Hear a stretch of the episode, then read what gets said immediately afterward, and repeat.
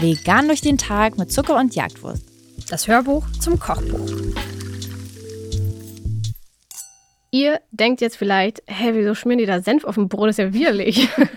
Wir können euch beruhigen, es ist kein Senf, Leute. Beruhigt euch. Es wäre auch nicht widerlich. Leute, reißt euch Naja, ja, kommt drauf an. Ich fände es schon ein bisschen komisch. Aber es ist kein Senf, es ist eine Käsecreme. Und inspiriert von diesem Rezept wurden wir vom Kaffee Morgenrot, das ist auf der Kastanienallee hier in Berlin. Und die hatten früher einen ganz, ganz tollen Frühstücksbrunch, zu dem man gehen konnte. Äh, man konnte damals auch bezahlen, was man wollte. Es war irgendwie ein ganz cooles mhm. Konzept. Und die hatten damals eine Käsecreme. Die hatten immer eine große Glasschüssel voll mit dieser Käsecreme. Aber die war auch damals schon vegan. Die war schon immer genau. vegan, auf jeden Fall. Und die war so lecker, das war wirklich unfassbar. Und die hatte eine ganz tolle, fluffige, weiche Konsistenz und ich habe mich direkt in die verliebt. Ich habe mich gefragt, hieß die damals eigentlich auch vegane Käsecreme? Oder hast du mir die einfach nur immer als Käsecreme introduced? Ich weiß gar nicht, ob da ein Schildchen daneben ist. Ich glaube auf jeden Fall, wir haben die Hälfte vom Brunch eigentlich nur mit dieser Creme verbracht. Ja, und mit dem Milchreis mit Beeren. Nee, und nicht Milchreis. glaube ich, einen Rührtofu. Ich ja. habe sicher nicht mit Milchreis mein irgendwas verbracht. naja, jedenfalls ist dieses Rezept von dem Kaffee inspiriert. Ich glaube, ich bin auch irgendwann mal tatsächlich in die Küche gegangen und habe gefragt, wie die das machen, um ehrlich zu sein. Und so ist dieses Rezept entstanden. und die meinten dann irgendwas mit wegen einer, einer Mehlschwitze oder so. Also sie haben es mir versucht, so grob zu erklären.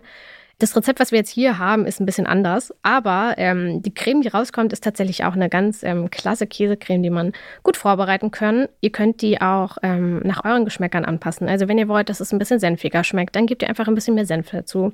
Wenn ihr es käsiger haben wollt, dann gebt ihr ein paar mehr Hefeflocken dazu. Wenn ihr es flüssiger haben wollt, dann gebt ihr ein bisschen mehr Sojamilch dazu. Also ähm, tobt euch aus. Aber diese Creme eignet sich nicht nur gut fürs Frühstück. Wir könnten sie eigentlich genauso auch auf einen Burger schmieren, auf ein Sandwich schmieren oder irgendwas darin dippen. Also es ist wirklich ähm, ein sehr wandelbares Rezept.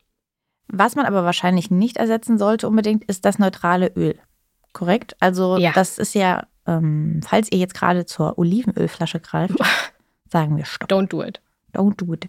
Wenn hier im Kochbuch neutrales Öl steht, dann hat das natürlich eine Bewandtnis. Ähm, wir wollen einfach nicht, dass ihr einen anderen Geschmack reinbringt durch ein Öl. Das ist schon wirklich gerade jetzt bei einer Menge von 100 Milliliter, äh, wird das auf jeden Fall herausschmeckbar sein, was für ein Öl ihr benutzt habt, wenn ihr jetzt auf einmal Sesamöl oder irgendeins nehmt, das wirklich einen Eigengeschmack hat. Deswegen neutrales Öl. Könnte jetzt wahrscheinlich auch ein neutrales Sonnenblumenöl sein, nehme ich an. Aber ja, Hauptsache geschmacklos. Wir wollen irgendwas ohne Geschmack. Geschmacklos. Ähm, und im Endeffekt, ne, wenn man sich so ein bisschen die Zutatenliste anschaut, es könnte ja auch eine Mayo gerade sein. Also, ne, es wird Sojamilch mit Öl gemixt, ähm, bis das Ganze halt sozusagen sich schön emulgiert zu einer schön dickflüssigen Masse. Genau das wollen wir. Das würzen wir dann ein bisschen und dann auf einmal haben wir eine Käsecreme. Magic. Den Unterschied macht ja wahrscheinlich auch dann ein bisschen das Kalanamak. Willst du dazu vielleicht ähm, was sagen?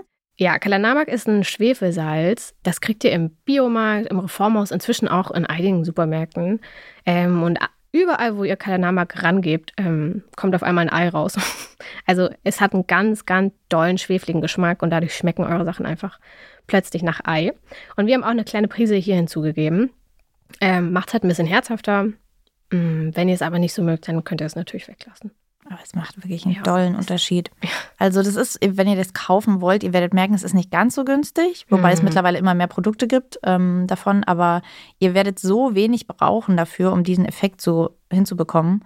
Ihr werdet es auch in einigen Rezepten in diesem Kochbuch noch finden. Also diese, so eine Packung hält wirklich dann auch länger. Ja, absolut richtig. Also ab äh, ins Kalanamak-Regal und äh, losgekocht und dann könnt ihr das Kaffee Morgenrot jetzt bei euch aufleben lassen. Gibt es das noch? Ja, ich glaube schon. Okay. Shoutout ans Café Morgenrot.